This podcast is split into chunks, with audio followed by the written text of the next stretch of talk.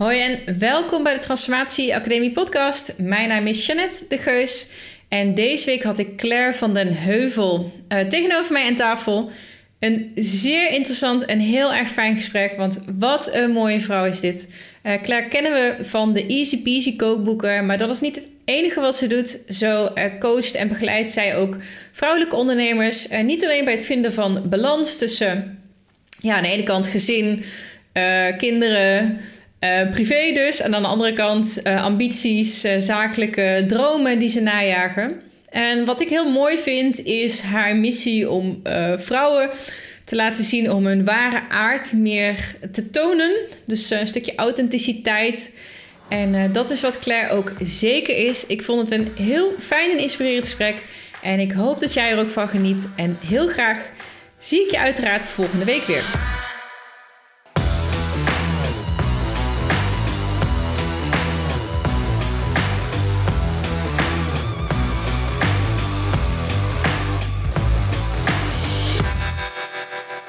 De vaste luisteraars die weten het inmiddels. Voordat ik naar het interview ga, nog eventjes kort uh, wat liefde voor onze sponsoren. En de eerste, dat is Love Fit Food. Dat is een platform voor iedereen die op een nou ja, bullshit-vrije manier om wil gaan met voeding, training en mindset. Love Fit Food was mijn eerste stap op het uh, ondernemerschap. Een uh, kindje dat ik de afgelopen jaren met heel veel liefde en plezier heb grootgebracht. En wat mij vele lessen heeft gebracht. En um, uh, onze flagship product, dat is onze Fit Food 30, een 30 dagen clean eating challenge. Maar ook de twee kookboeken die ik samen met Maaike heb gemaakt. Uh, dat is uh, Fit Food at Work en Fit Food Made Easy. Nou, die eerste die is inmiddels helemaal uitverkocht. Maar we gaan in augustus herdrukken. Dus um, ik hoop dat die in september weer opnieuw in de winkels ligt. Super gaaf natuurlijk om te zien hoe zoiets tot wasdom komt. En enorm dankbaar voor het hele proces en alles wat het mij gebracht heeft. En de tweede sponsor, 12 Waves, daar heb ik ook wel een heel leuk nieuwtje over. Um, dat was al een samenwerking en dat gaan we nog eventjes een slagje intensiveren. En daar ben ik echt enorm excited over. Ja, de, zoals ik al zei, de vaste luisteraars die kennen dit onderdeel en die weten dat, um, dat 12 Waves mij onwijs veel heeft gebracht. Het is een, uh, een leiderschapstraining, een tool om uh, mensen te helpen om aan lifecrafting te doen. Dus het leven creëren waar zij van dromen en waar zij gelukkig van worden. Um, het is de training die mij onwijs veel gebracht heeft en waar ik ook heel erg graag andere mensen enthousiast over maak. En uh, dat gaan we nu dus gezamenlijk uitdragen. Dus Michel en ik hebben wat dat betreft de handen ineengeslagen. En je zult dus ook nog wel wat vaker ook uh, livecrafting onderwerpen voorbij zien komen in deze podcast. Wil je hier wat meer informatie over? Ga dan naar de website www.12-waves.nl En als je dan nog naar slash, slash, slash, wat fuck slash, slash TAP gaat, dan krijg je nog een leuke uh, korting als uh, luisteraar uh, op die training. Nou, dat waren de sponsorboodschappen. Luister nu voor het eerst. Denk je, wat is dit? Ja, dit is wat nodig is om de podcast in de lucht te houden. En ook jij kan een steentje bijdragen aan het in de lucht houden van deze podcast. Ik doe het nu een half jaar met heel veel liefde en plezier. En ik hoop dat ik nog heel veel jaartjes blijf doen. En je kan als luisteraar op verschillende manieren je steun uh, aan mij Laat zien, dat kan door een, uh, een 5 sterren uh, rating voor mij achter te laten in je podcast app. Daar zou ik onwijs blij mee zijn. Je mag ook een review schrijven. Ik krijg uh, steeds vaker via allerlei kanalen, via Instagram, DM, via de WhatsApp, via Facebook. mensen die leuke comments geven op de podcast. Doe dat vooral ook in de podcast spelen, want dat helpt mij om hoger in hitlijsten te komen en ook om leukere gasten te kunnen uitnodigen. En uh, als je nou nog meer wil doen, wat helemaal fantastisch is, dan kan je een donatie uh, doen via mij op de website. Dat kan een eenmalige donatie zijn of een maandelijks terugkerend bedrag voor bijvoorbeeld uh, nou ja, 5 euro. Dus dat, um, dat waren de mededelingen. Gaan we gauw door naar Claire van de Heuvel. Dankjewel dat ik hier mocht zijn. Ja, geen dank. Hartstikke leuk. Ja. ja. En ehm, ik, jij bent op mijn pad gekomen. Ja, de, kookboeken kende ik. Mm -hmm. um, en een van mijn mastermedleden, Lotte, was helemaal enthousiast bij een training die ze voor jou had gevolgd. Ja. En, uh, en dat is denk ik waar je nu ook je focus uh, oplicht. Ja, klopt. Eh, Claire's World. Yes. Wat is Claire's World? ja, jeetje, meteen een grote vraag. Eh, ehm, eigenlijk is het ontstaan vanuit. ehm, ehm, nou, ik volg eigenlijk altijd mijn eigen pad en mijn weg. En wat ik daarop tegenkom, eh, daar help ik anderen mee. Dus dat is ook met mijn boeken zo gebeurd. En met eh, in het begin ook de coaching en, eh, en ook coaching rondom voeding. En ik merkte gewoon dat ik na de Easy Peasy boeken zelf ook wel weer, ja, ik zeg altijd maar terug op de hoofdweg terecht kwam. Want voor sommige mensen lijkt het juist een afslag, maar voor mij was Easy Peasy juist een afslag. En ehm, eh, dus het is eigenlijk, ja, ik neem je mee in mijn wereld in de hoop dat ik daarin eh, jou ook help, inspireer, eh, inzichten geef. Eh, wat ik heel vaak terugkrijg, is dat ik met de dingen die ik schrijf of met wat ik deel of de programma's die ik maak, dat ik daar mensen ook vooral veel kracht geef om te denken, ah, zie je, ik kan het ook of ik ben niet gek. Of, dus, dus daar is een beetje Claire's World. En, en ook gewoon heel praktisch, want Claire.com was al weg. en die kon ik voor 50.000 euro kopen, maar dat vond ik een beetje te veel. dus toen dacht ik, nou, dan ga ik gewoon wat, eh, wat groter. Pakken we het gewoon groter aan en dan doe ik niet de com, maar de world. Het is heel grappig wat je zegt. Toen wij binnenkwamen en zei van... hé, hey, volgens mij ken ik jou. Ja, ja. En ik hoor ze praten en dat is... eh, een tijdje terug zat ik met mijn businesscoach. Ja, wat doe ik nou? Wat ben ik nou? En toen omschreef hij... We kwamen op een gegeven moment uit bij een soort van ontdekkingsreiziger. Ja, En alle pleisters die ik verzamel voor mijn eigen wonden... ja, die geef ik het liefst ook weer door aan anderen. exact. Ja, heel toevallig. Ja, ja, en ik denk dat dat wel eh, eh, ook wel een mooi raakvlak. En ook al zouden we. Ja, ik deed echt de deur open en ik kijk jou dan aan en denk ik, ja, maar wij kennen elkaar. En of dat nou dan wel letterlijk zo is of niet, maar is misschien toch ook gewoon een soort een vorm van herkenning. Eh, en ik eh, een van de dingen die ik ook op mijn site heb staan, maar die ik ook heel vaak in mijn lezingen deel met mensen, is die quote van Maya Angelou, waarin ze zegt: ja, What you get, you give, and what you learn, you teach. En dat is een beetje jouw pleisters. Ja, Ja, wat je meekrijgt, ehm, hoop je ehm, terug te geven. We teach best what we most need to learn. Weet je, ja, die, die, die ook. En ja. die vind ik dan ook altijd nog wel mooi om daar de nuance bij aan te geven. Voor mij werkt het in ieder geval zo. ehm, what I most needed to learn. Want ik merk dat ik de lessen echt wel pas door kan geven. als ik er zelf doorheen gegaan ben. Ja. Dus eh, eh, ik, ik denk dat ik ook best wel veel mensen tegenkom die aan het leren, aan het geven zijn wat ze zelf op dat moment aan het leren zijn. Dat kan ook, maar dan is het voor mij meer van ga je met me mee op reis en wat ik tegenkom, dat hoop ik met je te kunnen delen. Eh, maar mijn werk draait meer om, ja, ik ben hier doorheen gegaan, dit waren mijn lessen, zo ben ik eruit gekomen. Ik hoop dat jij daar dan ook wat aan hebt. Dus ik kan het vaak pas delen als het er rond is. Ja. Ja. ja, precies. Dat het niet een, een eh, gaandeweg iets is wat je, waar je mensen meeneemt. Nee, heel Ja. soms wel, hè, met posts of inzichten. Maar qua mijn programma's of wat ik schrijf of dat soort dingen... dat zijn meestal wel dingen die ik echt al... waar ik wel al doorheen ben gegaan. Ja.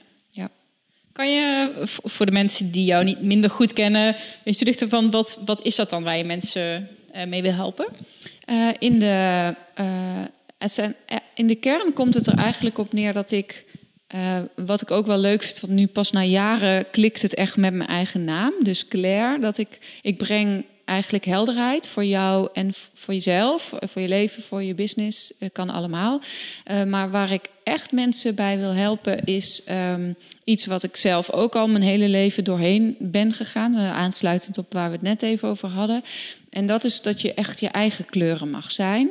True colors. Maar ook dat je die ruimte in mag nemen. En eh ikzelf, maar ik zie ook heel veel vrouwen die bijvoorbeeld in programma's zitten of die dingen volgen, dat we toch wel geneigd zijn om onszelf aan te passen of kleiner te maken of overtuigingen ertussen te laten zitten. eh, en echt jouw pad mogen bewandelen vanuit wie jij bent, met jouw kleuren.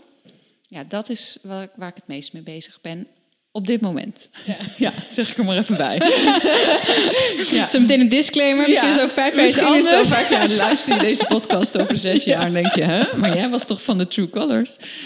Ja. ja. Nee, nee, goed. Maar dat thema, Ja. ja, daar gaat het veel over. Kan je ons dus meenemen eh, wat die switch voor jou dan heeft gewas? Ik bedoel, wat was je, wat beperkte je dan eerst, denk ik? Dat neem ik nu even aan dat dat Ja. inderdaad je les Ja. was. Ja. Ja, ehm, nou, eh, als ik, uh, wat ik ook heel vaak vertel, bijvoorbeeld op het podium of als ik voor een groep vrouwen sta, is dat ik uh, een, er echt wel in geloof dat we allemaal hier komen met een bepaald ontwikkelingspad of met wat je graag wil leren of wat je te doen hebt. En dat we ons gaandeweg, uh, misschien door het gezin waar je opgroeit, of de school, of je omgeving, of je werk, of de. Uh, nou, social media is daar nu natuurlijk ook een best wel pittige uh, ding in. Je, je kleuren gaat aanpassen. En dat heb ik eigenlijk ook niet anders gedaan. Dus ik was als kind al best wel ja, gevoelig, voelde veel, had overal mijn voelsprieten uitstaan. ik weet nog dat mijn vader heeft ook eigenlijk mij altijd al radar genoemd. Want ik wist gewoon overal waar we waren, wie, wat, waar, welke lijntjes er liepen. En ik ben dat kwetsbare en dat gevoelige ben ik best wel gaan aanpassen. Ook omdat het niet altijd handig is, maar ook uh, omdat er andere dingen van mij verwacht werden, had ik het gevoel. Dus vanuit school, opleiding, meedoen, vol, een bepaald pad volgen. Dus dat is best wel tijd ondergesneeuwd uh, geraakt. Waarbij ook mijn intuïtieve kant. En um, nou, ik deed eigenlijk best wel goed studeren, werken, gewoon het riedeltje. En toen werd ik zelf, toen ik 26 was, vrij ernstig ziek. Toen kreeg ik kanker. En dat was voor mij wel echt een wake-up call die ik nodig had in ieder geval. Uh, om toch weer uh, echt teruggeworpen te worden op mezelf. En om um, ja, uh, wel weer ook die, dat meisje wat ik was, werd gewoon weer wakker. Dus daar, de, toen kon ik daar weer veel makkelijker bij. En toen dacht ik, ja, wow, we hebben hier één leven, dat is mijn leven. Um, ja, en vanaf toen is het balletje weer wat meer gaan rollen naar uh, nou, laat ik eens wat meer ruimte in gaan nemen van wie, vanuit wie ik echt ben. Mezelf wat meer te laten zien. En dat ging natuurlijk niet van de een op de andere dag. Nee. Ja, het klinkt natuurlijk heel... Uh, ja, supermooi. Ja, oh, ik ging ergens zitten, ja. kreeg een boodschap Precies. binnen. En heb ik, dan gaan we. Nee, zo werkt het natuurlijk ook voor mij niet. En nog steeds niet. Ja. Nee, ja.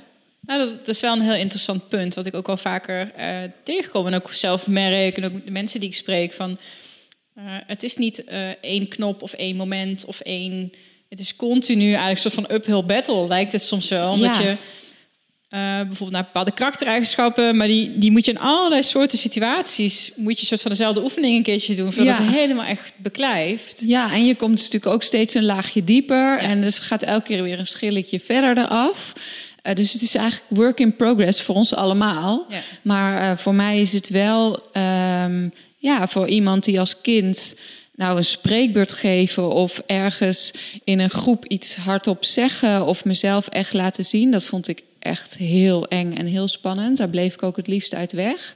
Tot iemand die nu gewoon op het podium staat en een verhaal deelt en andere vrouwen probeert te helpen. Ja, dat, daar zit natuurlijk wel een heel pad tussen, maar dat wel, zijn wel twee uitersten voor mijn gevoel.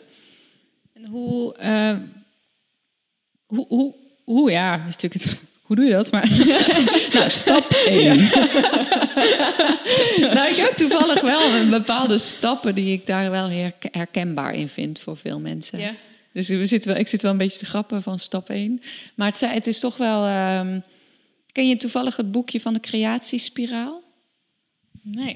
nee. Dat is wel een leuk boekje. Dat is voor, ook voor een echte boekennerd. Dat ga ik meteen ook even opschrijven. Ja. Ik denk dat heel veel mensen die het luisteren misschien zeggen van ja, tuurlijk, het is ook niet een nieuw boek of zo. Het, bestaat al best wel lang.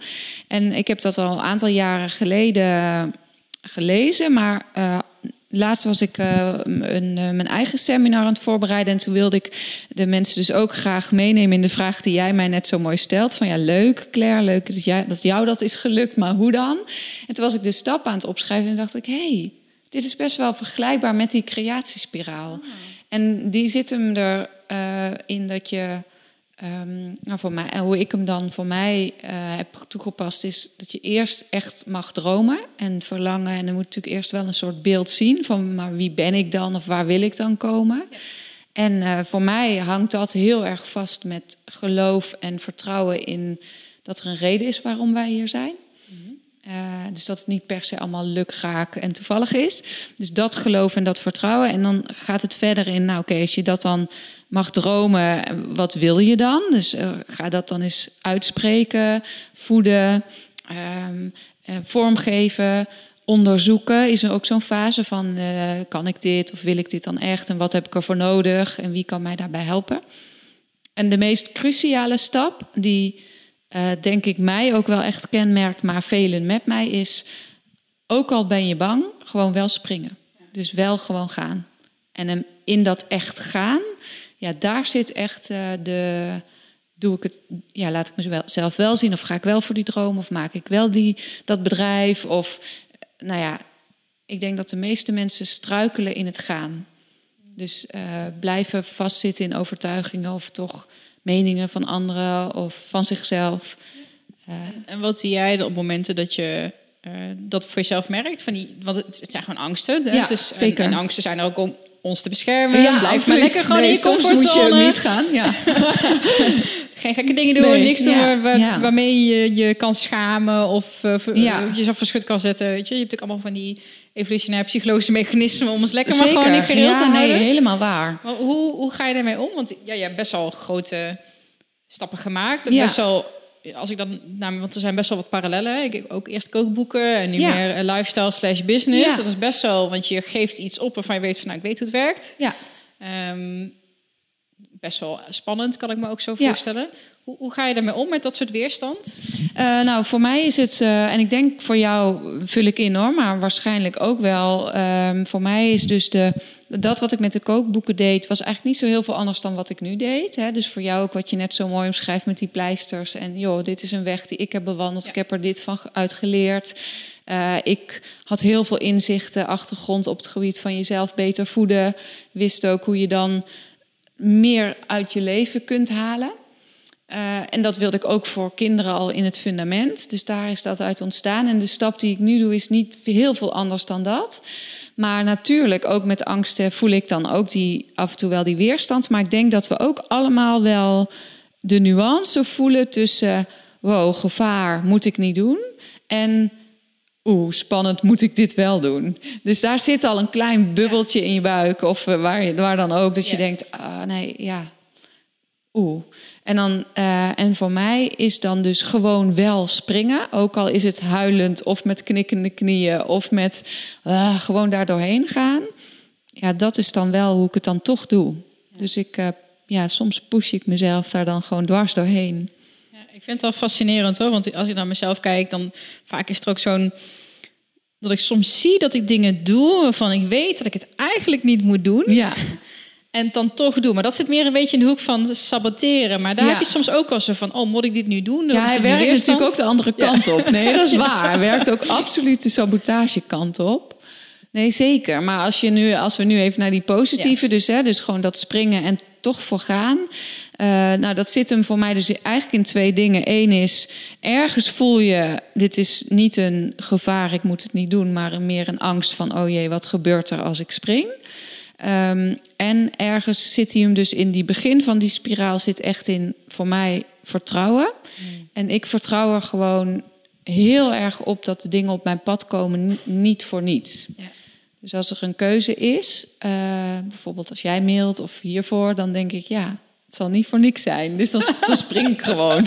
Ja. Of dan, uh, ik hoop dat dit niet heel eng was. Nee, nee, nee. Daar, ja, dat is eigenlijk in dit verband niet echt een goed voorbeeld. Want ik dacht gewoon, oh, wat leuk. Maar het geldt ook wel voor andere dingen. Dat ik denk, ja. En het betekent niet dat je ieder puzzelstukje wat op je pad komt maar moet leggen. Want je moet natuurlijk wel goed aanvoelen van... hé, hey, wat is de drijfveer waarom ik nu dan dit wil gaan doen? Maar... Um, ja, ik merk ook wel dat als je op een gegeven moment maar gewoon springt, dat het je wel altijd wat brengt. Dus ofwel een les van, oh ja, hmm, ja. had ik toch maar beter niet kunnen doen.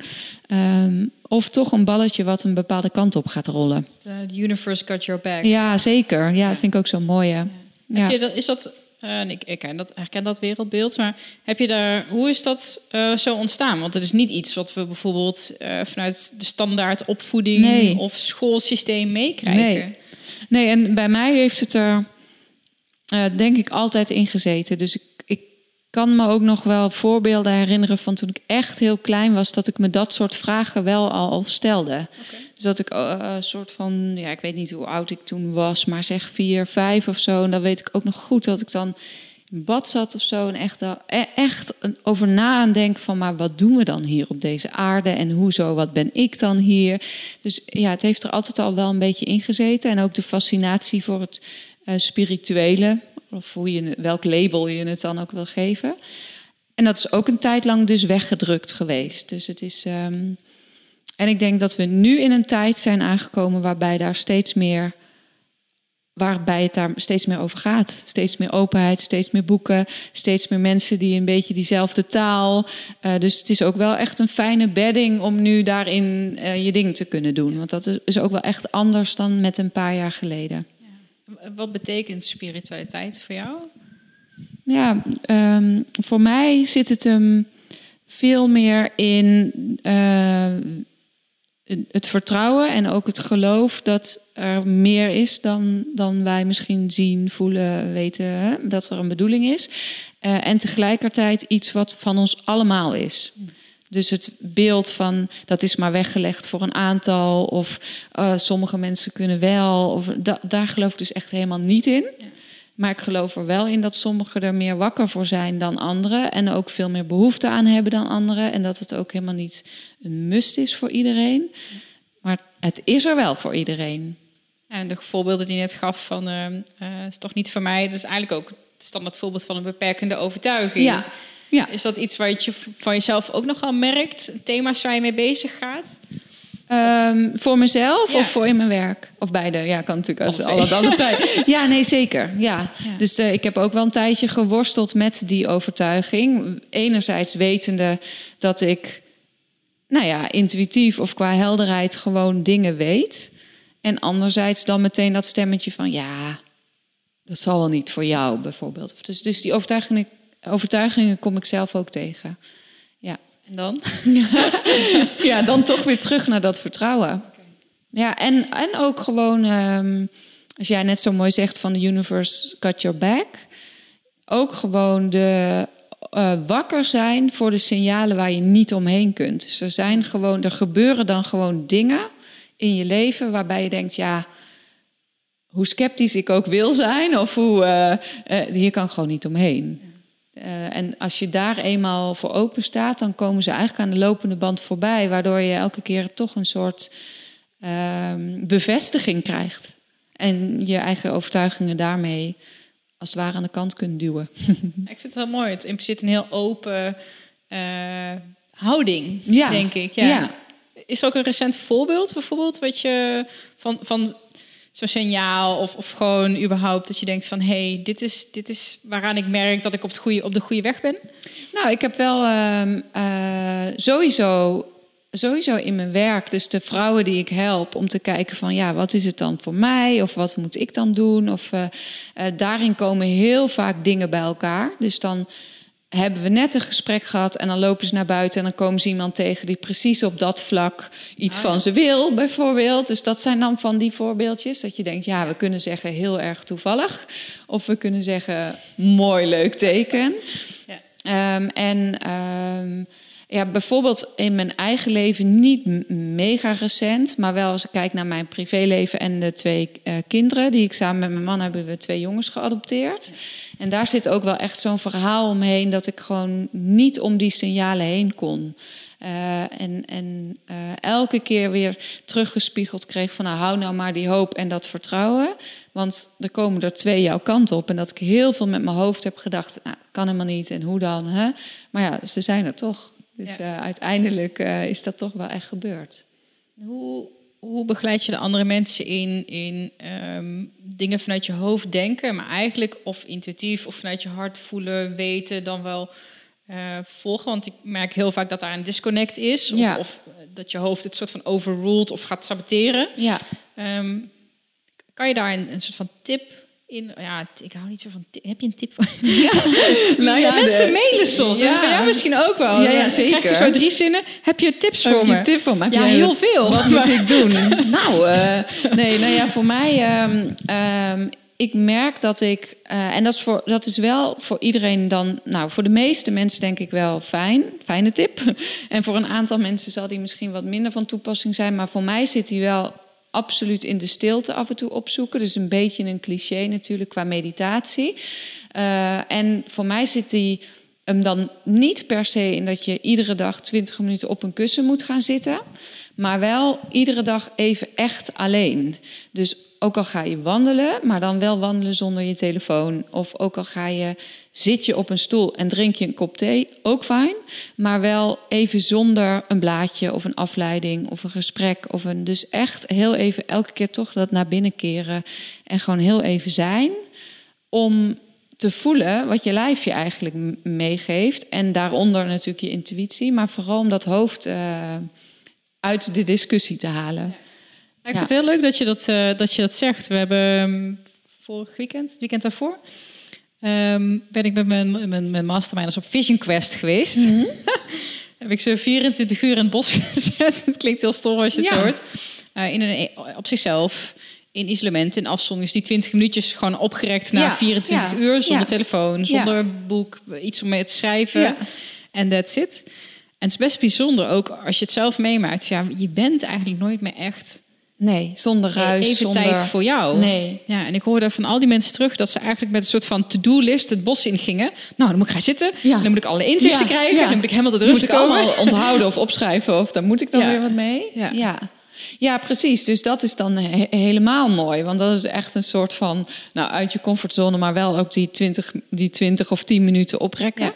En um, uh, ja, ik merk dat ik dus, uh, al deed ik al met de Easy Peasy boeken, door gewoon, ik, ik vind het ook heel fijn om mensen te helpen hoe ze nou in hun dagelijkse mega drukke, uh, hoe moet ik het allemaal doen leven, toch al stapjes te kunnen laten zetten naar wel weer meer terug naar die intuïtie. Ja. Dus we kunnen natuurlijk niet allemaal elke keer uh, 24 uur in dat bos gaan zitten, al zou het heel goed zijn. de, maar uh, de, dus ja, heel even je bewustzijn. En ja, waarom ik eigenlijk ook zei van misschien niet voor iedereen. Ik merk dat sommige mensen uh, bijvoorbeeld juist een heel leeg hoofd krijgen door te gaan boksen. Of door te gaan ja. kitesurfen. Of door echt die, dat fysieke lijf aan het werk te zetten. En die energie omhoog. En dat daarna de rust komt. Dus dat kan ook niet. Iedereen is natuurlijk voor yoga, meditatie, stilte gewend. Of gemaakt. Uh, en voor mij is het vooral wandelen. Dus echt in mijn eentje de natuur in en dan wandelen. En dan krijg ik daar, dan hoor ik weer veel meer helder wat ik nou eigenlijk nodig heb. Of wat ik ergens voor kan beslissen of doen. Nou, zo. Ja, interessant. Ik vind het heel, heel uh, ja, het, over dat wandelen. Ik merk zelf dat bijvoorbeeld de, de cadans van het wandelen ook heel veel doet. Ja. Een soort van een ritme.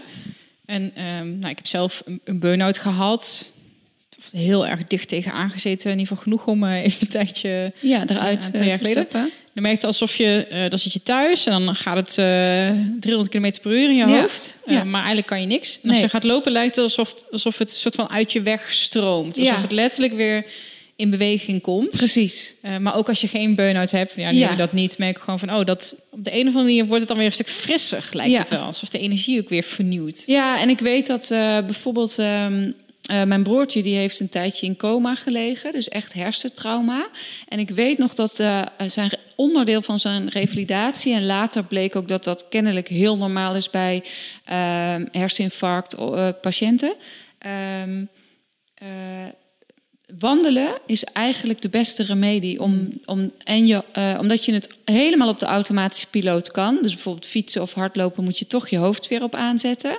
Dus je kan gewoon wandelen, wat natuurlijk endorfines aanmaakt ja. en je hele systeem in de gang, zonder dat je hoofd belast. Oh. Dus het maakt het juist door die cadans, maar ook door wat je aan het doen bent, maakt het het juist eigenlijk leeg. Ja. Dus uh, ook voor mensen die misschien wat depressief zijn, of zwaarmoediger, of burn-out bijna, of wat dan ook uh, helpt wandelen gewoon heel erg goed. In coma gelegen trouwens, mag ik het Oh ja, gooi ik er weer lekker zo even tussendoor. Nee, nee ja. Ja, ja, ja dat, is, uh, dat is ook wel weer onderdeel, uh, ook een punt in mijn... En in zijn dus vooral weg geweest. Ja. Ja, toen hij nog vrij jong was, is hij echt op zo'n jongere, salau-achtige vakantiebestemming... is hij um, ja, eigenlijk min of meer omvergereden door een ik denk drugs of drank of auto, mobilist. Ik heb geen idee, want ze weten ook niet wie dat was. Maar toen is hij daar wel echt even van, um, ja. ja. Heftig.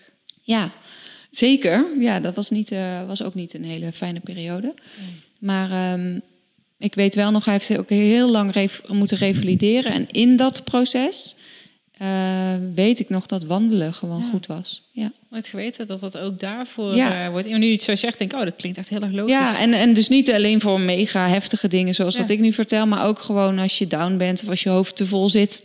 Of als je niet stopt stopt met piekeren, dan eh, werkt het kennelijk. Ik hoorde laatst ook zo'n eh, trucje als je een beetje vast zit in je hoofd, is eh, door een deur heen lopen. Oh ja, Door een eh, deurpost. ja. Gewoon echt letterlijk. eh, Ja, omdat je hoofd weet van wat ik hier in deze ruimte doe. En dan ga ik door een doorgang en daar is het weer nieuw. Nieuw, ja. Dat is ook een trucje. Ja. ja, ik denk dat we ons hoofd op vele ma- manieren om de tuin kunnen leiden, als Ja. het ware. Maar ook, ja, ik, een vriendinnetje van mij doet eh, Ve- Vera, met wie ik de boek heb geschreven eigenlijk. Die heeft zich daarna, eh, heeft zijn eigen praktijk ook met neurofeedback. En dat is met zo'n apparaatje. En dan, ik kan het niet, lang niet zo goed uitleggen als hoe zij dat kan. Maar wat ze me in de basis heeft verteld, is dat ons hoofd natuurlijk ook, als je, stel je, je stelt je een groen grasveld voor, dan heb je vaak zo'n eh, uitgesleten paadje, zo'n tussendoor eh, paadje of zo. Eh, en dat is wat je hoofd eigenlijk gewoon doet. Die pakt gewoon de route die je het best kent. Ja. En met dat neurofeedback zorg je eigenlijk dat over dat paadje weer wat gras kan groeien, zodat je hoofd meerdere wegen gaat bewandelen. Dus dat is natuurlijk met overtuigingen of met piekeren of met dingen waarin je vastzit. Ja, je hoofd pakt gewoon het paadje wat je het vaakst meest hebt bewandeld. En eh, door echt bewust te zeggen: Ho, nee, stop. Wat doe je nou weer daar? Daar zouden we niet meer ingaan. Let's go back. Ander paadje. eh, helpt ook al. Ja. En het irritante is dan dat er best wel wat pijn voor nodig is. Ja. Voordat je die. Want je, we zijn gemaakt om de meest ja, comfortabele route te kiezen. Ja. En de minste energie te verbruiken, zeg maar. Ja. Dat er gewoon wat pijn voor nodig is voordat, het, voordat je het echt gaat doen. Ik vroeg het ook aan Jan Geurts, want die heb ik ook in de podcast gehad. Ja. Van, nou, ik heb ook zijn training gevolgd en eh, mediteren en hele mooie technieken en tools. Ja, maar ja, maar waar, als het. Ik wil het wel, maar ik doe het niet. En dan zei hij, ja, dan is de pijn niet groot genoeg. Precies. Nee, zeker weten. Ja, dat zegt eh, Tony Robbins ook altijd zo Oh ja. mooi. Die zegt ze eigenlijk maar twee drijfveren waarop mensen bereid zijn om hun gedrag te veranderen. En het ene is, het doet pijn genoeg. Ja. Eh, of de pijn wordt te groot. En de andere is, het levert onmetelijk plezier op. Dus dan willen mensen het ook nog wel doen. Eh, hun gedrag aanpassen. Eens die- geweest ook bij eh, Ja. Tony? Ja. is, is, ja ik, ik nog niet. Nee. Volgens mij een van de weinigen die nog ja, niet... het is wel natuurlijk helemaal een hip en happening ding. Nee, ja, ja, ik ben in Londen bij hem geweest. Maar ik vond dat, en ik, ik vond dat sowieso... wilde ik er ook gewoon heel graag zien, heen om te kijken... hoe doet die man dat? Ja. En ook omdat mijn vakgebied vind ik Ja. super interessant. Ehm, en ik ben bij zijn eh, Unleash the Power Within. Maar dat is verreuit zijn grootste, meest massale event. En dat, dat vond ik wel ook heel heftig tegelijkertijd. dat zijn echt 10.000 Ja, het mensen zit echt zo, met 10.000 mensen. En da, die, eh, eh, als je dan redelijk hoogsensitief bent, zoals ik, dan is dat alleen al voor je systeem echt best wel veel. En dan krijg je ook nog al zijn energie en zijn boodschap en de pff, muziek. En het duurt tot vrij lang. Mm. Eh, dus ik vond het, maar ja, eh, eh, het was wel weer he- heel fascinerend. Ja, dat was ook Ja. een van de vragen die ik had. Want je, zei het zelf al, hè? Je, je, ja, je radar zijn, Ja. hoogsensitief. Eh, als ik jou eh, Google en eh, je website bekijk, wat je gedaan hebt, het ziet eruit alsof je heel veel ballen in de, in de lucht te houden hebt. Het Ja. ziet eruit als druk, leuk, leuk, leuk, druk leven. Ja, ja. Hoe, hoe manage je dat? Want dat is een van de vragen ook die, die mij ook wel eens worden gesteld. Ja, hoe, hoe, Hoe doe je dat allemaal in godsnaam? ja. Ja. Of misschien daaraan gerelateerd, hoe, hoe zeg je nee? Ja, nou, nou, als ik echt heel, heel eerlijk true colors, dan zit daar ook nog wel iets wat ik nog beter zou mogen leren voor mezelf. Dus eh, een van mijn overtuigingen vanuit echt al vroeger is nee zeggen is geen optie. Dus ik ben wel al mega veel stappen verder dat ik nu eh, echt wel de dingen doe waarvan ik denk, ja, dat wil ik echt zelf ook heel graag doen. Dus ik heb bijvoorbeeld nu voor de komende drie maanden mijn hele agenda leeggeveegd, omdat ik echt met mijn boek weer aan de slag wil. Ehm, maar de combinatie van je eigen dromen willen neerzetten met een bedrijf, et cetera, en een jong gezin is gewoon veel. Dus ook voor mij. Ik zou willen dat ik een soort van miracle antwoord nu had van oh ja, helemaal geen last van, maar dan moet je dit. Maar ik vind het ook gewoon soms veel. En dan is wel de kunst om, eh, eh, ja, eh, jezelf te, te blijven afvragen: wat heb ik nu echt nodig op dit moment? Eh, en ook als dat dus even niets is, niet meteen die stemmetjes mee te laten doen van ja, maar je moet wel dit en productief en anders kom je er niet en doorzetten. Ehm, want daar zit, de- ja, weet je, onze maatschappij nu zit denk ik al heel mooi in veel meer het intuïtieve en die kant. Maar er is natuurlijk ook een hele grote kant van alles is mogelijk als je er maar voor gaat, als je maar genoeg geeft, als je maar die extra mile loopt. eh, De grind Oh en ja, de de hustle. Ja, en de Gary- de mensen Gary die Gary V, V volgen. ja. Nee, je moet gewoon 20 uur per dag eh, werken, slapen watjes. Ja. Die kant hebben we natuurlijk ook. En ehm, ja, om, eh, om daarin mild voor jezelf te kunnen zijn en er wederom op te vertrouwen dat het pad wat je aan het bewandelen bent absoluut op, op een bestemming komt, wat ook de bedoeling is. Ja, daar heb ik ook gewoon elke keer mezelf bij de les te halen. Ook dat is lef hebben, merk ik zelf. Ja. Lef hebben om te, durven zeggen... nee, ik voel me nu even niet oké. Ik ben Ja. nu even moe.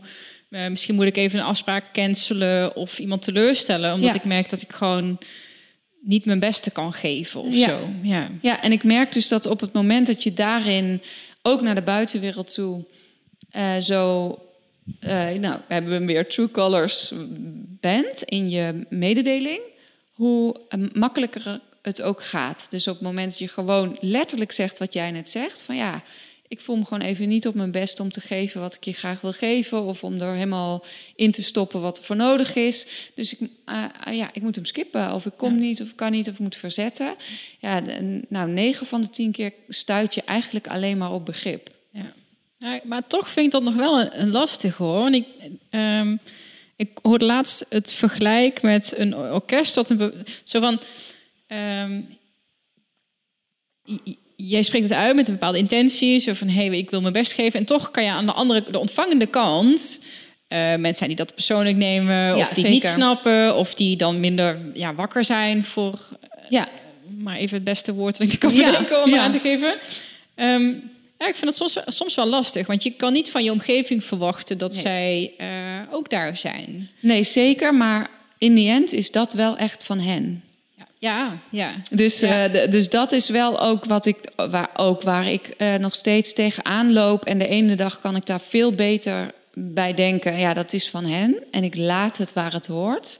En de andere dag minder. Maar daar word ik wel steeds beter in. Misschien heeft dat ook gewoon met leeftijd te maken, I don't know. Of met oefening, of met echt dat te doorzien. Want op het moment dat je toch wat meer als een soort helikopter erbovenuit kan stijgen... en kan zien dat we met elkaar gewoon een spel aan het spelen zijn... en dat de een daarvoor kiest en de ander daar nog in vastzit... en die die les nog moet krijgen... en die eh, lukt het ook makkelijker om dat wat je terugkrijgt... ehm, ja, echt eventjes de spiegel te bekijken. Want dat doe ik wel altijd. Even bij mezelf na te, na, na te gaan van... Oké, ligt dit dan bij mij? Eh, Zie ik iets niet? Had ik iets anders kunnen doen? Hè? Maar ook wel vaak dan te denken... ja, nee, dit is dus niet van mij. Dit is echt van de ander. ja. Ja, ook dat is weer lef. ook Ja. weer lef. Ja, ja, ja. Want dan Ja. denk je, ja, maar oké, en, en misschien vind jij daar iets van. Ja, Eh, en zeg je dat misschien wel tegen mij. Ja. ja. Ja, ik, heb, ehm, ik had toevallig gisteren vierde ik mijn veertigste verjaardag. En ik had hier allemaal eh, vriendinnen. Had ik een, lang, een lange tafel door het hele huis waar wij nu zitten. Zo stond helemaal zo. En ehm, eh, allemaal vrouwen aan een tafel. En ik had ook overal een soort van eh, kaartjes met quotes neergelegd. Gewoon omdat ik ook in het kleine detail dan hoop gewoon te inspireren. En eentje was ook van, ja, weet je, hoe ouder ik word, hoe meer ik gewoon kan berusten in het idee dat het oké is om een leven te leiden wat anderen misschien niet altijd zullen begrijpen. Want hij is wel van jou en als je hem zuiver doet, dan, doe je, dan denk je heus wel na over de dingen. Ja. Eh, en zal iedereen dat herkennen of begrijpen of tof vinden? Ja, nee. Ik hoorde dat eh, Byron Katie heel mooi omschrijven. Dat vond ik super herkenbaar. Eh, op het moment dat je heel erg druk maakt om anderen... zij heeft dan zoiets van, oké, maar dan ben je hun leven aan het leiden. Ja, En wie staat er dan achter stuur bij jouw schip? Ja. Waar- en wie leidt jou, jouw Nobody. leven dan? Dat is echt zo, oh, Oh, ja. ja. Want je, dan ja, bijvoorbeeld in relaties of zo, weet je, je hebt wel eens dat je vrienden of vriendinnen hebt en dan ben je heel erg bezig, eigenlijk in je hoofd al gesprekken met hun aan het voeren Ja. en daarmee bezig. Ja. Zeg van, ja, maar ik ben hier nu dit aan het doen Ja. en niet daar bij die man of vrouw of Nee. of, eh, wat het dan werk, wat het dan ook is. Dacht ik, oh ja, ja, ja, wie leidt dan mijn leven? Ja, en het is ook wel... eh, Best wel eh, shocking vond ik dat. Ja, dat is Oh. ook echt zo'n ding van dat je denkt, oh ja, jeetje. Maar ook wat, eh, als je het dan toch over Byron Katie hebt, wat zij ook wel zo, zij heeft ook dat mooie riedeltje van, heb ik het echt wel gecheckt? Weet ik zeker dat het waar is? Dus ook, ehm, dat is wel, dat vind ik wel een hele fijne manier om ehm, me wat minder druk te maken over, weet je, de reactie van de ander of wat ze daarvan vinden, is om het ook gewoon de kwetsbaarheid te durven te laten zien en het te durven vragen. Dus ook bij de ander van, goh, ik merk dat ik dan benauwd ben dat jij daar dit van zal denken. Klopt dat? Ja. Is het überhaupt wel zo? Omdat ik ook wel door schade en schande wijzer ben geworden dat ik het ook soms echt verkeerd invul. En soms is het zo dat ik het energetisch wel echt goed invul, maar dat die ander daar gewoon nog niet is. Dus dat ze het ook niet uitspreken als ik het vraag, maar dat ik heus wel intuïtief voel van jij vindt daar wel van alles van, je zegt het alleen niet. Dat kan natuurlijk altijd. Maar om het echt open te gooien en gewoon een vraag te stellen. Dus bijvoorbeeld wat ik heel veel hoor, is dat eh, ik deel best wel open, bloot en kwetsbaar mijn weg op het internet, op social media. Nou, ik denk daar heel goed over na, wat ik wel niet deel, wat ik niet deel.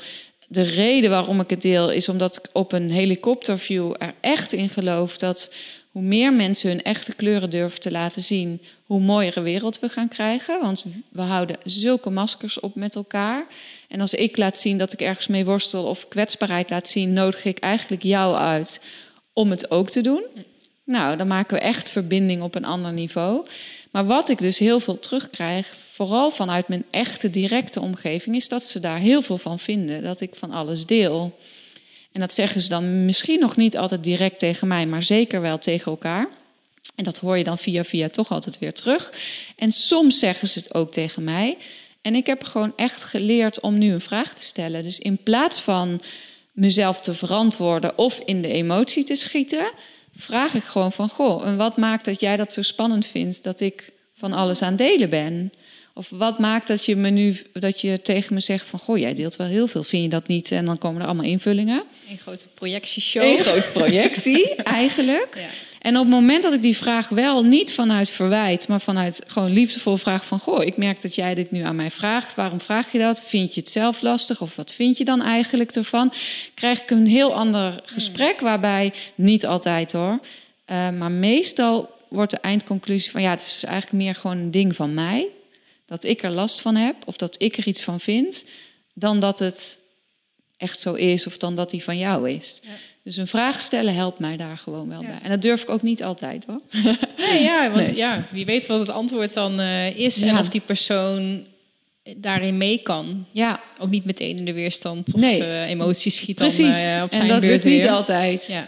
Maar vroeger, vroeger, een, voorheen zou ik me gaan verantwoorden. Dus dan had ik gezegd van ja, nou ja, misschien deel ik ook wel te veel. Of ja, ik snap dat je. En dan had ik allemaal dingen om. Terwijl ik gewoon dacht, ja, nee. Ah, ik, mooi, ik pik er iets uit Ja. op, want ik krijg ook nog wel eens. En dan, nee, ja, dat is mijn werk. Ja, ja, ja. dan vinden ze dat je veel met je telefoon in de hand. Ze denken, ja, dat klopt. Dat vind ik eigenlijk ook te veel. Ja, Eh, maar van de andere ook kant ook niet. En ik probeer het ook echt wel gewoon functioneel in te zetten. Ja, Eh, en niet in gesprekken met mensen te veel. Of, Nee. of liever niet op de telefoon te zitten. Ik heb sowieso alle notificaties uit. Ehm, maar inderdaad, eigenlijk gewoon vragen van ja, wat, eh, wat maakt dat jij dat... wil vraagt of Ja, daar iets ja. van vindt.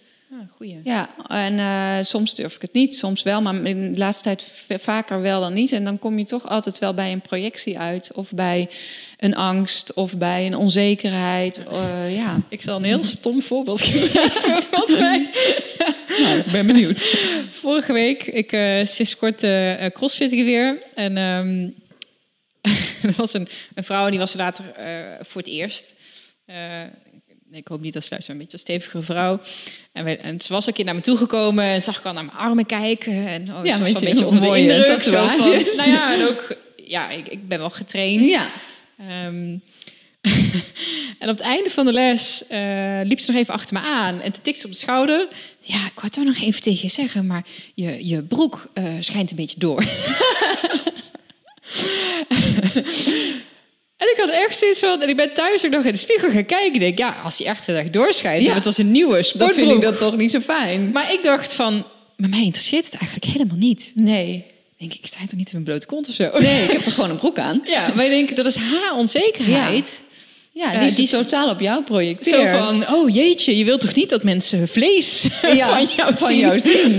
Ja, dat ze ook En ik denk zien. dan, ja, maar wacht eens even. Dus jouw onzekerheid, daar heb ik helemaal niks mee van doen. Maar ik, ik, ik werd er een beetje lacherig van. Zo van, oh, nou ja, bedankt. Ja, ja. Ja, en die kan natuurlijk twee kanten op. Ja. Want voor hetzelfde geld was jij een type geweest die had gedacht... nou, thank you for telling me. Ja. Weet je wel? Dus dan, maar ja, het, het blijft projectie vanuit haar. Ja. En wat jij ermee doet, ja, dat is dus... Ja, we, we waren aan het squatten. Dus ik, weet, ik heb thuis nog even voor de spiegel even Ja, denk, twee oh squats gedaan. Nee, nee, dat valt echt al mee. Ja, ja, ja. Mooi. Ja, mooi. Ik zat even te kijken, want wij hebben eh, nog een ander raakvlak ook. Een stukje psychologie. Ja. Ja, want je, je hebt het... Wacht even kijken hoor. Je hebt het ehm, Academie voor Psychotherapie in Amsterdam. Ja, Ja, daar heb ik de coach counseling opleiding gedaan. Ja. Ja. Waar komt eh, de, de, de interesse vandaan voor psychologie? Is dat dat, dat, dat, dat radar eh, zijn? Of, Ja, het is eigenlijk. eh, ik, ben, ik ben altijd al bezig geweest, al vanaf kleins, maar wat mensen beweegt. Dus eh, mezelf ook. Van goh. maar ook, ik vind het gewoon fascinerend. Dus ik vind ook persoonlijke ontwikkeling. Ja, sommige mensen die werken en sparen zodat ze, weet ik het, nieuwe laarzen op vakantie. Noem het maar. En dat vind ik ook allemaal heel erg leuk. Maar ik knip er niet drie keer met mijn ogen om, weer, om me weer voor een cursus. Of weer naar een medium. Of weer naar een persoonlijk ontwikkelingstraject of zo. Ja, dat vind ik gewoon heel leuk. Ja. Dus alles wat daarmee te maken heeft, eh, fascineert mij. en kan, want als je naar mezelf kijkt, is dat, zijn het ook echt wel niet zulke leuke ervaringen geweest. In de zin van, ik ben bijvoorbeeld heel veel gepest vroeger. Ja. En ehm, ik weet dat mijn vader, en ik heb dat laatst heb ik hem op aangesproken. Toen zei hij, oh echt, heb ik dat gezegd? Dat weet ik helemaal niet. Maar dat is Nee, natuurlijk heel hè? formatief als kind. Nou, dat is iets Ja. wat me gewoon 30 jaar heeft bezig gehouden. Dat mijn Ja. vader ooit heeft gezegd dat ik, dat ik iets doms deed. Ja, kan je En nagaan. denkt, Huh, dat weet ik je helemaal niet meer. over? Ja. Nou, dat staat helemaal beeld en geluid, geuren en kleuren, weet ik dat nog. ja. Eh, dus ik weet voor mezelf wel echt waar dat vandaan komt. Zo Ja. van het wel willen ehm, een soort van op een muur stuiten bij mijn vader. Dat je eigenlijk heel graag toch wel aandacht en genegenheid wilt. Ja, maar gezien hij wil niet, worden. Niet, ehm, niet wetende, denk ik, hoe hij dat moest tonen. Want het is wel geen, dat is niet, niet bewust of zo geweest. Nee, en geen onwil. Dus ik weet voor mezelf wel van, oh, weet je, dat, dat komt niet uit de lucht vallen. Is dat bij jou ook iets dergelijks? Nou, ik herken wel veel in wat je zegt. En ik denk ook wel dat het. Dus deels fascineert het me, maar deels liep ik gewoon ook zelf elke keer zelf tegen muren aan. En dan was het gelukkig wel in mijn omgeving, maar ook vanuit mezelf zo dat ik daar dus dan iets mee mocht. Dus of naar een psycholoog of naar een coach. Of dus, dus dat is al vrij vroeg begonnen. Ehm, en jouw voorbeeld vind ik ook wel weer mooi en herkenbaar natuurlijk. Dat je eigenlijk twee dingen. Dus het ene is, eh, ja, weet je, je loopt dan tegen dingen aan en daar, daar wil je dan ook wat mee. Eh, en het andere is ook wel weer dat je zelf zo'n beeld kan hebben van hoe iets gegaan is, wat voor een ander weer totaal anders is. Hè? Dus of nou je vader die zegt van, oh, nou, daar weet ik niks meer van. Eh, maar ik heb bijvoorbeeld eh, ook, ehm, als bijvoorbeeld aan mijn man, Koen, die heeft een bepaald beeld van hoe die is opgevoed. Maar als, we, als ik met zijn zus eh, het over diezelfde opvoeding heb, zijn gewoon twee hele andere beelden. Dus het is ook maar gewoon, denk ik, met Ja. wat voor vizier je daarnaar kijkt. Of met hoe je zelf, wat, je, wat jouw eh, basisuitgangspunt is. Of laatst had ik ook een klant en daar, daar was, waren we me- mee naar haar pad aan het kijken. En zei ze, ja, zo grappig, want we hadden een reunie van haar sportclub. En ze keek in het logboek en ze had zelf echt, echt, ze was ervan overtuigd dat ze heel erg vaak op de bank moest zitten. En dat ze niet in het veld mocht. Hè? En toen las ze dat logboek en dat was helemaal niet zo. Dus ze stond eigenlijk heel vaak gewoon opgesteld. Maar hoe een aantal keer op de bank zitten, dus ook gaandeweg. toch zo'n impact hebben gehad en een verhaal eh, vormen. Ja. Dus ik denk dat, eh, waarmee ik niet, natuurlijk niet zeg dat het niet is gebeurd, hè, want ik heb ook een heleboel voorbeelden van wel en dat je daar dan iets mee doet. Maar ik denk ehm, ja, dat dat voor in, in jouw geval, in mijn geval, ervoor heeft gezorgd dat je daar doorheen wil. Of dat je het wil oplossen, of dat je meer van wil weten. Ja, of dat, dat je, oh, misschien is dat ook wel terugkijkend hoor. Dat je dan gaat proberen na te denken van... hé, hey, Ja. waar, komt dit vandaan? Ja. Of Precies. ehm, ja, dat je ziet dat je andere interesses hebt... of dingen anders doet dan, dan misschien anderen. Ja. ja, en ik denk dat dat is dus hetzelfde met wat we in het begin van ons gesprek zeiden over die eh, spiritualiteit. Eh, niet iedereen wil er iets mee. Ja. En dat geldt hetzelfde voor persoonlijke ontwikkeling. Er zijn ook ja, genoeg mensen die ik ken die denken... ja, dat is toen gebeurd. Nou ja, ik ga er niet helemaal meer... eh, en die gaan gewoon weer verder. Ja. Ja. dat is voor mij nooit een optie geweest. Nee. Wat is ehm, eh, in dat opzicht jouw eh, meest waardevolle boek of cursus of training die je hebt gevolgd? Oh, Ja, je mag een top drie, dat mag ook. Ja, ik wou net zeggen, mag ik een top 10? Nee, nee, ja, dat vind ik echt wel, dat is echt wel een... ehm, even denken, wat vind ik... Het zijn soms ook wel gewoon boeken. Ehm, maar... Nou, ik heb, ik heb eigenlijk eh, al elf jaar lang een... Ik noem er altijd een beetje gekscherend mijn goeroe, maar een soort spirituele coach. Ze heet Toki en ze woont ook in Haarlem en ik kom er echt al elf jaar. En zij, dat is dan niet per se een cursus of een opleiding, maar dat is wel echt, ik ben, kwam, kom echt op regelmatige basis bij haar. Eh, en er kan soms ook een half jaar of een jaar tussen zitten, maar wel echt al elf jaar lang. En ja, dat, die heeft mij wel echt eh, heel erg schil, schillen eraf, eh, geholpen. Eh, dus dat, die, dat staat, die moet zeker in mijn top drie. Eh, ik heb een, ehm, een, een, een opleiding gevolgd bij Nina Hamburger. Dat is een. ehm, eh, zij was van, is van origine kinderfluisteraar. Maar zij heeft ook een, een cursus om contact te maken met je hogere zelf, met gidsen, met, dus echt wel spiritueel. En iets wat ik altijd gevoeld heb, wat er in, in essentie bij mij in zat, dat ik gewoon vrij gemakkelijk daar contact mee kan maken, dat heb ik wel bij haar echt verder mogen ontplooien en geleerd. Dus dat, die vind ik ook echt heel waardevol, buiten dat het gewoon een heel super fijn mens is. Eh, dus dat. Ja, en dingen, weet je, boeken of dingen zoals eh, Tony Robbins, Gabrielle Bernstein, eh ehm eh, Brene Brown. Ja, toch een beetje Amerikaanse goeroes vind ik dan altijd wel heel tof. En voor sommige mensen is dat veel te Amerikaans, maar ik hou er eigenlijk wel van.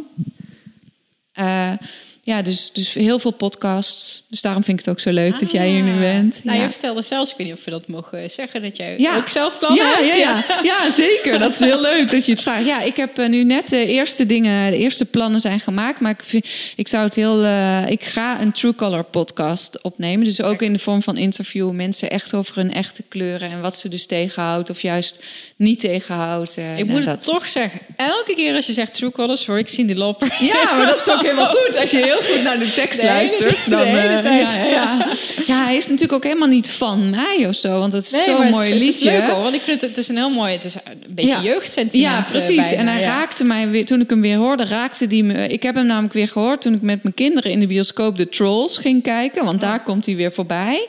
En ik ken hem natuurlijk ook van jeugdsentiment, want volgens mij komen we een beetje uit dezelfde Ja, ik ben 38. eh bouwjaren gro- groep. Ja. Dus ik ben iets ouder, maar eh, het Nou, raakt. zoveel ook- scheelt het niet. Scheelt jaar. het niet, precies. Ja. Dus ook, ja, zeker jeugdsentiment. Maar bij die trolls kwam die weer binnen. In combinatie met het beeld, de boodschap en de tekst... was het gewoon precies wat ik aan het doen was. Dus toen heb ik... eh, ik heb natuurlijk ook een marketingstrategie conceptachtergrond. En toen dacht ik ja, die pak ik gewoon. Ja, ja. Eh, in die zin, hij zegt meteen wel wat ik ermee bedoel. Ja. Laat je echte kleuren zien, kan je natuurlijk ook zeggen. Maar weet je, eh, I can see your true colors shining through. In dat liedje, ja, dat zegt het voor mij wel echt. Ja, Ja. ja super mooi. Ja, ja, je hebt je, je top, nou vier is dan eigenlijk vijf, zes.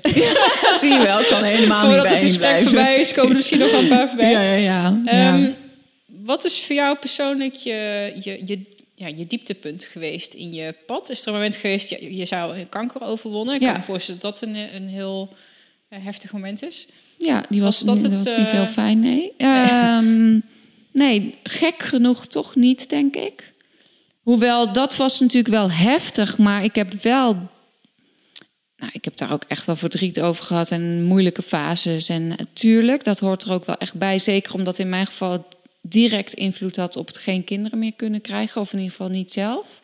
Wat, wat voor kanker was het? Baarmoederhalskanker, ja. En ehm, eh, dus dat, dat is natuurlijk echt wel een impact. Maar ik heb ook altijd wel intuïtief gevoeld: dit is gewoon de bedoeling. Dus ik kom hier wel weer uit. En dan is het wel een richtingaanwijzer voor mij. Dus het is, ja, je liep die kant op, we gaan deze kant op. Ja. Dus dat wel. eh, maar ik heb, ehm, even kijken, dieptepunt. Of grootste leermoment. Misschien is dat eh, is me zo wat makkelijk te, te- Ja. op te vatten. Nou, eh, kijk, de, die, het, het durven voelen van het wel uit die ziekte van dat is een richting aanwijzer en we gaan die, die kant op. Maar zo heb ik bijvoorbeeld ook net nadat ik ziek was geweest, had ik, eh, ik had voordat ik ziek werd een relatie. En dat ging eigenlijk al helemaal niet goed tussen ons. En dat wist hij ook en dat wist ik ook. En we kwamen maar niet los. En het was ook al twee keer eerder uit. En toch weer bij elkaar een super lieve, leuke jongen, maar gewoon met elkaar in iets zitten wat hem, wat hem niet ging worden. Maar mijn rouwperiode na mijn ziek zijn heeft zich dus echt op dat liefdesverdriet geprojecteerd. Dus het ging daarna uit en ik was natuurlijk net ziek geweest en ik kon geen kinderen meer krijgen en je relatie gaat uit. Nou, ik heb het hem echt moeilijk gemaakt, want eh, dat is wel een ding dat ik denk, nou, dieptepunt Claire, want het is gewoon, ik heb gewoon al mijn rouw en verdriet over dat geen kinderen en ziek zijn deels op liefdesverdriet, die relatie hem niet los willen, daarom niet kunnen willen laten, geprojecteerd. Dus dat is voor hem denk ik echt een pittige periode geweest. En voor mij ook wel. Maar het ging eigenlijk niet echt om, om ons, want dat was gewoon eigenlijk al klaar. Dus dat is wel een les voor mij geweest. Eh, maar helemaal daarvoor, al in mijn puberteit, heb ik eh, echt geworsteld met een eetprobleem. En daar zitten dat, was, we- dat is een dieptepunt geweest. Nog veel meer dan die kanker krijgen. Dus echt die afwijzing voor wie je bent, hoe je eruit ziet en je lijf. En niet van jezelf kunnen houden om wie je bent en hoe je eruit ziet. Dat vond ik echt een hele pittige periode. Hoe oud was je? Ja, ik denk zo vanaf mijn zestiende ongeveer. Ja, 16 tot en met een beetje in de begin twintig. Anorexia dan. Ja, Heb je daar... ja. Heel toevallig had ik laatst eh sarai pannenkoek. Eh je wat het zegt. Sportdiëtisten. Oh. Plantaardige voeding. ja, die naam zegt me wel wat, maar... Ja, ze, Ja. ze- ze- komt heel veel ook in de media. En, Ja, ja, eh, ongetwijfeld dat ik er dan daar via die hoek... ja, ehm, en die, die zei het ook. Die heeft er ook mee geworsteld. Ik zelf heb het ook een beetje tegen aangehikt. Ja, ik denk met al- laxeerpillen. ja, En ik blijf me ook over verbazen hoeveel... eh, dat het steeds weer duidelijk wordt... er zijn bijna geen unieke... eh, het is niet iets van mij. Het is Nee. een soort van collectief verhaal. ja, zeker. eh, waar we in zitten. Ja, het, ik denk dat het ook echt wel ergens vrouw, de vrouwenlijn en waar we uit mogen ontwaken en ons lijf en onszelf laten zien en van jezelf houden en dat koesteren en al die dingen. Ja, daar gaat het eigenlijk veel meer om. Dus ik vind het wel heel mooi dat je dat zegt, want het is niet per se mijn verhaal of zo. Ja, nou, dus dat, dat- want dan wordt het ook heel erg... Ik moet het oplossen. Ja, en, ja. eh, ja, daar mag je hulp en zo bij vragen. Ja, En dat is heel fijn. ja, Maar ook het besef van... eh, het is gewoon een soort van storyline eh, bijna. Absoluut. Het is ook eh, bijna niet meer jou. Het is je verantwoordelijkheid. Dan is van ja, het, het overkomt je. Het is soort ja. Ik heb de opleiding tot eating psychology eh, coaching ook gedaan. ja. En dat zijn, dat zijn gewoon archetypen. Er Ja, zijn gewoon een soort van zeker. standaard verhalen. Nee, absoluut. En dat is Nee, echt ja. zo, oh. Oh, oh, jeetje, boring. Nee, ja, absoluut. En voor dat onderwerp, maar het was wel in die periode nog zo jong en zo'n afwijzing op jezelf was wel een dieptepunt, laat ik het dan zo zeggen. En eentje die ik denk dat wel collectief is. Ja. Dus waarin zoveel vrouwen zichzelf eigenlijk afwijzen en nog steeds. Mm. En ook rondom hun lijf en ook met voeding. Ja, daar zijn we nog niet uit met z'n allen. Ja. Maar Kom je het ook tegen, ook nog bij de... Want je coacht voornamelijk vrouwen, ja, denk ik. Ja, Is dat een, iets wat je veel terug ziet komen? Dus, eh, ja, wel. Maar dan Ja. misschien niet zozeer Maar zwaar. niet de eetstoornis, maar wel het willen voldoen aan of Ja. afwijzen van. Ja. en dan ook wel, ook wel lichamelijk. Dus ook wel, eh, ja, toch wel emo eten of er niet blij mee zijn met hoe je eruit ziet. Jezelf aan willen passen. Ja, dat zie ik nog wel echt wel terug. Ja. Ja, Wat, hoe, hoe kunnen we daar het beste mee omgaan volgens jou? Ja, wat voor mij echt een. Voor mij, ik heb echt twee keerpunten gehad. Eén was ziek worden en denken: jeetje, ik heb maar één lijf en dan ga ik er zo mee om. Dit is echt geen goed idee. What was I thinking? Uh, en de andere is uh, veel meer met, en dat kan misschien ook nu pas nu ik ouder ben, maar veel meer met mailtijd kijken naar je, ja, toch wel je innerlijk kind, denk ik. Toch wel naar dat kleine meisje en die zien en denken: jeetje, hoe kan je als je haar nu, als je mediteert of je, en je neemt haar in je blikveld, daar kan, hoe, daar kan je niet zo hard tegen praten. Ja. Dus uh, ik las laatst een heel mooi artikel of een quote van, misschien is die ook wel van Brene Brown, ik weet het eigenlijk niet, maar die ging er echt over van, uh, nee, ik denk dat ik hem las in, um, in het boek. Um, Um, Return to Love van Marianne um, Williamson. Nou ja, anyway. Maar ja, dat is ook een mooi boek trouwens, als we dan toch nog een top aan ja, maken. We, komen aan ja, in, in, ieder geval, er stond in ieder geval in van... Um, neem of jezelf als kind of je kinderen, als je dat meer aanspreekt... En eh, de stemmen die jij tegen jezelf vertelt over hoe je eruit ziet, wat je niet goed gedaan, oh weer zo dom, oh weer niet goed gedaan, ah, oh je ziet er niet uit, oh trek die andere broek aan, nou dat blouseje kan je echt niet aandoen, oh ja, weer een keer.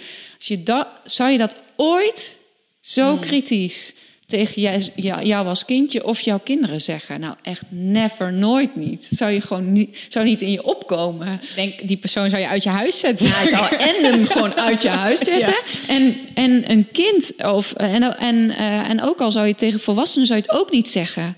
Die zou je inderdaad uit je huis zetten. En wij zeggen dat aan de lopende band tegen onszelf, de hele dag interne radio. Hij komt zo vaak voorbij in de podcast. Ja. De, Shit FM, die ja, eigenlijk in je hoofd... FM. Wat een mooie, ja, echt. Ja, zo noemde Tibor hem uh, volgens mij. Nou, die is blijven plakken. Ja, briljant. Zo herkenbaar. En ook ik, dan denk ik, nee... Ik weet dat dat er is en ik ben me er bewust van. En dan toch nog, soms merk je van... Maar hij staat wel aan. Ja. Ondanks dat ik het allemaal weet en mediteer... En, en lief voor mezelf ben... En, en ik denk dat dat, als jij zegt met dat eten en die eetstoornis en hè, ook dat, dus ook shit FM, om in Tibor's woorden te spreken, is ook een collectief ding. We moeten daar los van komen, want iedereen worstelt ermee. En ik zie het gewoon bij mijn kinderen van 7,5 ontstaan. Ik zie het gewoon gebeuren in de klas, op school, thuis. Ik zie het gewoon ontstaan.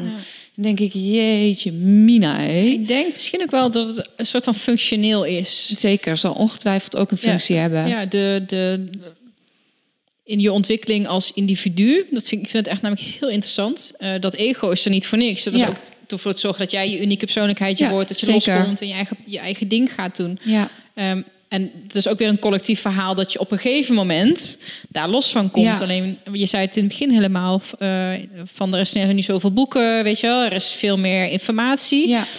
Um, dus dat de thema's waar wij nu tegenaan lopen, dat dat een aantal generaties terug, dat deed pas als je ouders al dood waren. Zeker. Als je in een wat rustig vaarwater was. Maar omdat er nu zoveel... Ja ja, je kijkt op YouTube, je kan elke grote boeddhistische leraar, kan je, bewezen, kan je bij wijze van spreken... Een filmpje van zien. Uh, een filmpje van zien. En ja. dat, dat kon twintig jaar geleden nee, gewoon zeker niet. En ik denk ook, want daar had ik dit weekend een mooi gesprek uh, over. Ik denk dus ook dat, nou ja, jij bent 38, ik ben 40. Uh, eh, vrouwen in mijn groep wisselen vanaf ongeveer 29, 30 tot en met in de 40. En, en ik hoor gewoon steeds meer die vrouwen het hebben over dat ze daar met hun kinderen al mee bezig zijn. Ja. Dus ja, de generatie daaronder en daaronder, die hoeft niet 40 te worden voordat hij eens een keer met mildheid naar zichzelf kan kijken. Dus uh, gelukkig is de upside van al die uh, availability wel dat er ook dat je eerder ermee aan de slag mag. Dat je gewoon. Uh, en ook dat heeft natuurlijk ook weer een keerzijde. Want kijk op Instagram en de picture perfect wereld en die meiden van 15, 16, 14, misschien zelfs nog jonger. Ja, het houdt niet per se op. Dus het is, uh, we hebben nog wel wat werk te doen. Ja, zo heeft denk ik elke, even uitzoomend, elke generatie natuurlijk zijn, uh, zijn struggles. Zeker. Zijn uitdagingen. Ja, absoluut. en dat zal ongetwijfeld ook wel zo blijven, denk ik. Wij zitten morgen, toevallig morgen ergens... Um, een, ehm, een, een, collectief waar basisschoolleraren aangesloten zijn. En die, uh, ik heb daar een lezing gegeven. Het ging over lifecrafting, dus lifestyle design. Eigenlijk het heldenverhaal. Ja. Dus de reden dat ik jou naar je hoogte en dieptepunten en leraren tuurlijk, vraag. Tuurlijk, en met welke elixir kom je terug? ja, de hero's journey. Want ik denk echt dat dat eh, nou, misschien maak je er wel honderd mee of één hele grote, maar dat dat je persoonlijke ontwikkeling is, die, die ravijn, die moet je in. Ja, je moet er doorheen. Ja. Ja. en dat kan heel mild, dat kan heel heftig, Ja. dat kan je hele leven lang duren. Zeker. De, de dark night, zeg Ja, maar. Ja Ehm. het is ook een methode die ik in mijn programma, eh, wat Lotte bijvoorbeeld, onze linking pin, eh, Ja. heeft gedaan. eh, is eh, schrijf je eigen hero's journey. En dat kan inderdaad een van de vele zijn of de overkoepelende. Omdat daar heel vaak de connecting the dots duidelijk uit wordt. Waar je dat wat je graag te doen hebt of Ja. te geven hebt uit kunt halen. Zie je dat als een soort Eh. van game. Je hebt een character en die moet allerlei eh, Ja. Dingen ontwikkelen. Dus die moet nog allerlei battles eh, Ja. doen. Afhankelijk van wat hij daarboven Ja. heeft aangevinkt. Nou, ik wil dit wel leren, ik wil dat wel meemaken. En, Nou, wat eh, ik zelf nog wel moeilijk vind, en toevallig zit ik daar net zo van middenin, ja, niet nu alle minuten, maar bijvoorbeeld de afgelopen twee, drie dagen, dat ik merk, oh, ik zit niet lekker in mijn hum. mhm. Eh, wat emotioneler dan normaal. En ik ben heel eh, echt een hoofdmens wat dat betreft. En ik probeer nu voor het eerst, oké, niet op zoek te gaan naar een oorzaak of Ja. iets, want er is altijd weer iets wat op dat moment wat beter kan. Maar dat vind ik nog wel lastig. Terugkijkend weet ik altijd eh, waar het me brengt en eh, Ja. wat, het, wat het weer, waar het weer goed voor is geweest. En het was ook altijd goed dat het is gebeurd. Weet je, al mijn ex-vriendjes bijvoorbeeld, ik ben heel blij dat ik daar niet geen relatie meer mee heb. Ja, en toen was je echt, oh, kan het uit? Ja, precies. dat heb ik ook hoor. En dat vind ik nog wel, ja, maar dat is misschien wel mens eigen, weet je. Dat in ja, het ik denk moment... dat, eh, weet je, die clichés zoals bijvoorbeeld een Steve Jobs... die zegt van, you can only connect the dots looking backward. Ja. Of het leven wordt voorwaarts geleefd en achteraf begrepen. Ja, ik denk dat, dat, dat we daar niet aan ontkomen. Ja. Nee. Nou, ik ben benieuwd waar het eh, goed voor gaat zijn. Ja, maar ik denk wel dat we er meer invloed in hebben in welke kant het op gaat. Eh, en die zit hem voor mij heel erg in. En dat is ook een van de, weet je, die creatiespiraal. Maar mijn eigen stappen zit hem ook echt in. Kies jij vanuit liefde of kies jij vanuit angst? En die kom je natuurlijk ook in zoveel boeken tegen. Eh, en ik denk dat we nog veel, ik ook, maar dat we veel vaak toch nog vanuit angst kiezen. Ja. En dat het leven, wat Tony Robbins bijvoorbeeld ook zo mooi zegt, van ja, it's, it's happening for you, not against Ja. you. En vanuit angst redeneren ben je toch aan het kijken van, oh, overkomt mij dit weer? Of hoe, hoe kan ik nou dit? Of hoe kan ik het beter begrijpen? Of, eh, het- terwijl als je vanuit liefde kiest, geloof je ook veel meer in die stroom dat het wel oké is. Ja. Ik heb toevallig gisteren ook mijn Insta-story erover gedaan. Ik weet nu voor mezelf, oh, als dat gebeurt. En ik, ik ben, dat hele angst, schaarste... of schaarste slash angst en overvloed en liefde... ja, dat is mijn houvast. Ja. ja, hoe ik de wereld wil zien. Ja. Maar ik ben ook gewoon mens en er gebeuren gewoon dingen. En misschien is het gewoon hormonaal, I don't Ja, know. you don't know. Ja, Maar ja. oké, Jeanette, heb je, moet je even eten? ja, precies. Even checken. Moet je eten? Ja. Heb je het warm? Ja, dan naar, Eh, naar buiten is ja. mijn tweede. Oké, ga gewoon eventjes 20 minuten lopen. Ja, En ik, heb, hebben ik woon in de Achterhoek, wandelen? dus ik kan eh, meteen eh, het bos in als ik buiten stap. perfect. Oké, en ga slapen. Dus ik was net vroeg naar bed gegaan. En er zijn nog wat meer hoor. Diepe ademhalen, leuke mensen en je bellen. voeding en Ja. ja. Oké, en allemaal gedaan. Nou, misschien mag je, ben je gewoon eventjes verdrietig. En, Mag het er zijn?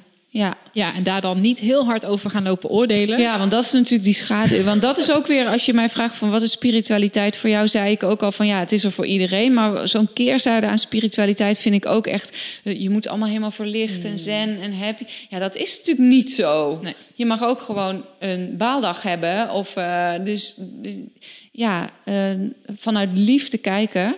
In plaats van uit angst betekent niet dat dus alles maar roosjes Ja. en mooi eh, hoeft te zijn. Daar geloof ik ook Dat, eh, echt jong niet volgens in. mij. Hè? De hele schaduwkant is Ja. onderdeel van wie jij bent. Ja. En die niet willen zien of wegdrukken. Ja. Eh, het maakt je een complete persoon door hem juist wel te ja, zien en, en, te eh, en het lichte kan er niet Ja, zijn als je dat precies, ook niet ja. hebt. Dus ja. Ah, heerlijke We clichés. weten het allemaal zo goed, hè?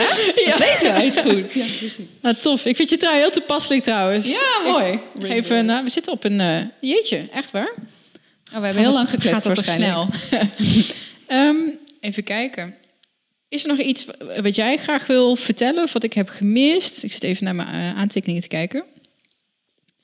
Nee, denk het niet. Oh, nou, misschien is dat nog wel een eh leuk. Je gaf dan een beetje aan van ik heb mijn agenda drie eh, maanden weggeveegd. Ehm, Ja. Dat houdt een beetje verband met mijn vraag over hè, alle ballen in de lucht houden.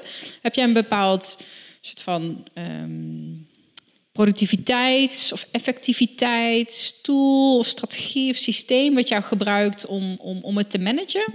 Dus, eh, of gebeurt het heel ad hoc? Ja, het is bij mij wel.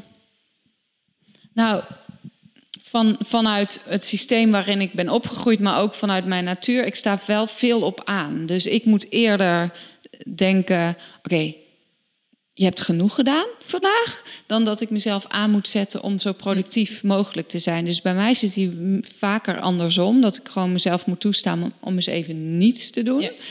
Ehm, maar ehm, als ik als stel je zit aan iets wat aan de andere kant van de medaille en je vindt het juist moeilijk om dingen gedaan te krijgen, wat ik, wat ik in mijn cursus vaak eh, voorbij zie komen, dat ze dan plannen of ideeën of een droom hebben, maar het doen en het afmaken en het ervoor gaan, vind ik dan, is dan lastiger. Ja, dan werkt die voor mij echt met het uitspreken dat er, dat, dat er dan iets zal zijn. Dus bijvoorbeeld deadlines. ja, Ja, ja. nou, goede. Maar niet alleen je interne deadline, maar hem ook gewoon kenbaar maken. Ja. Ik leer mensen ook werken echt met een, een soort van wingman. Iemand die je accountable houdt, bijvoorbeeld één keer in de week. Ja. Die heeft gezegd, ja, deze drie dingen wil ik echt deze week doen. Ja. Dat zijn ook de dingen die, eh, die, het, die het snelst...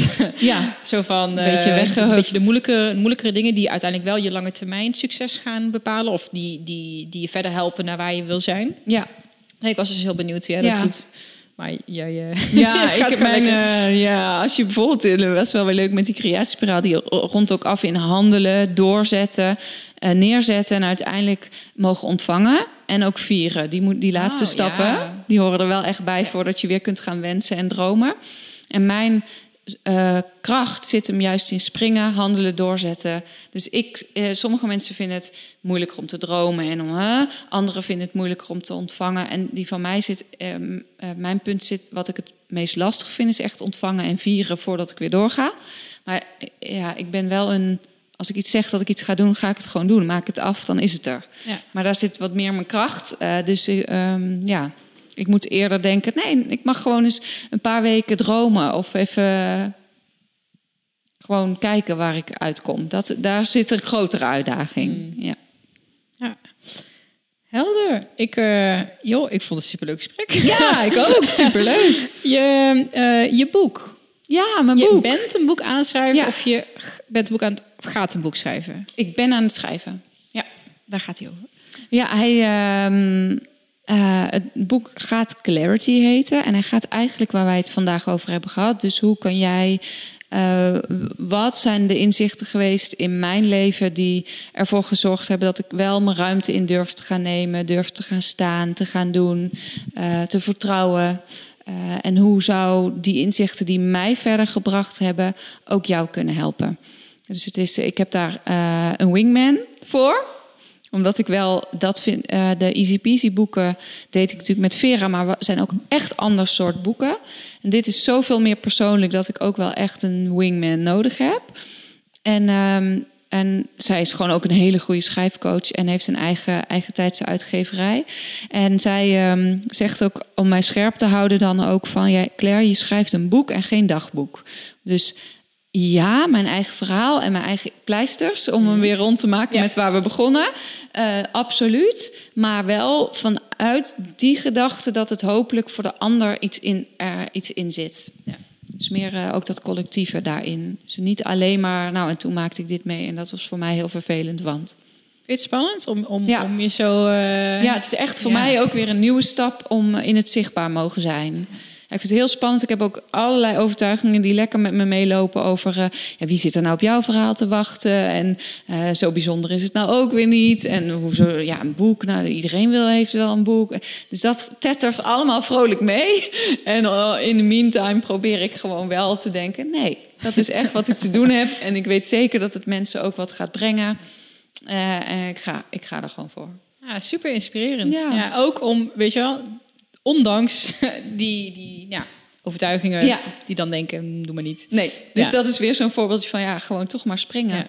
En ik hoop ook wel eh, in die zin inspirerend voor mensen dat ze niet mij bijvoorbeeld bekijken of jou of wie dan ook. En het is alleen het perfecte plaatje, want ook ik heb die stemmen gewoon nog steeds. Ze doen gewoon mee. Het is een, ik denk het is een illusie om te denken dat je op een punt komt dat ze er niet meer zullen zijn. Ik denk dat ze er altijd ergens wel hun Ja, kop heel opsteken. belangrijk volgens mij wat je zegt. Want eh, ehm, we zijn zo gewend om ons heel sterk en, Ja. en eh, nee, en niks aan de hand en alles Ah, onder doe ik controle. even. Ja. En nee hoor. Ja. En daaronder... Ja, het, het maakt, ik vind, en ik hoop dat, dat vind ik namelijk bij anderen, en ik hoop dat dat ook voor mij geldt. Ik vind mezelf geen minder goede coach of met mijn programma's of met mijn boek straks. Op het moment dat ik niet alleen maar de expert zeg van, weet je, I winged that. Ik heb dat gecoverd, alles is goed. Nee, ja, ik hoop dat, eh, dat, dat je en ikzelf, maar ook anderen met mildheid naar, je, naar jou of naar mij kunnen kijken en denken, oh, tof. En als Ja. ze dat niet denken, denk je, nou, dat Van jou, lekker bij jou. Dan laat ik lekker bij jou, ja, precies. Hey, super bedankt. Ja, nee, jij bedankt. Heel erg mooi gesprek, dankjewel. Als mensen jou willen vinden, waar kunnen ze het beste terecht? En ze kunnen kijken op claire.world of op mijn Instagram-pagina. Die heet gewoon Claire van den Heuvel. Complimenten trouwens voor je Instagram, want hij zegt... Oh, ja, ik, dacht- echt, oh, dat heeft ze een of andere mooie mediabureau. Nee, of zo. dat doe ik allemaal nee, Ja, ja. supermooi. Ja. Ehm, ik zal eh, ook de... Los van naast je top 10 Oh ja, naast mijn top 20. ja. ook de linkjes eh Ja, opnemen. superleuk. Dan kunnen mensen daar eh, kijken. Nou. Dankjewel. Ja, jij bedankt. Heel leuk.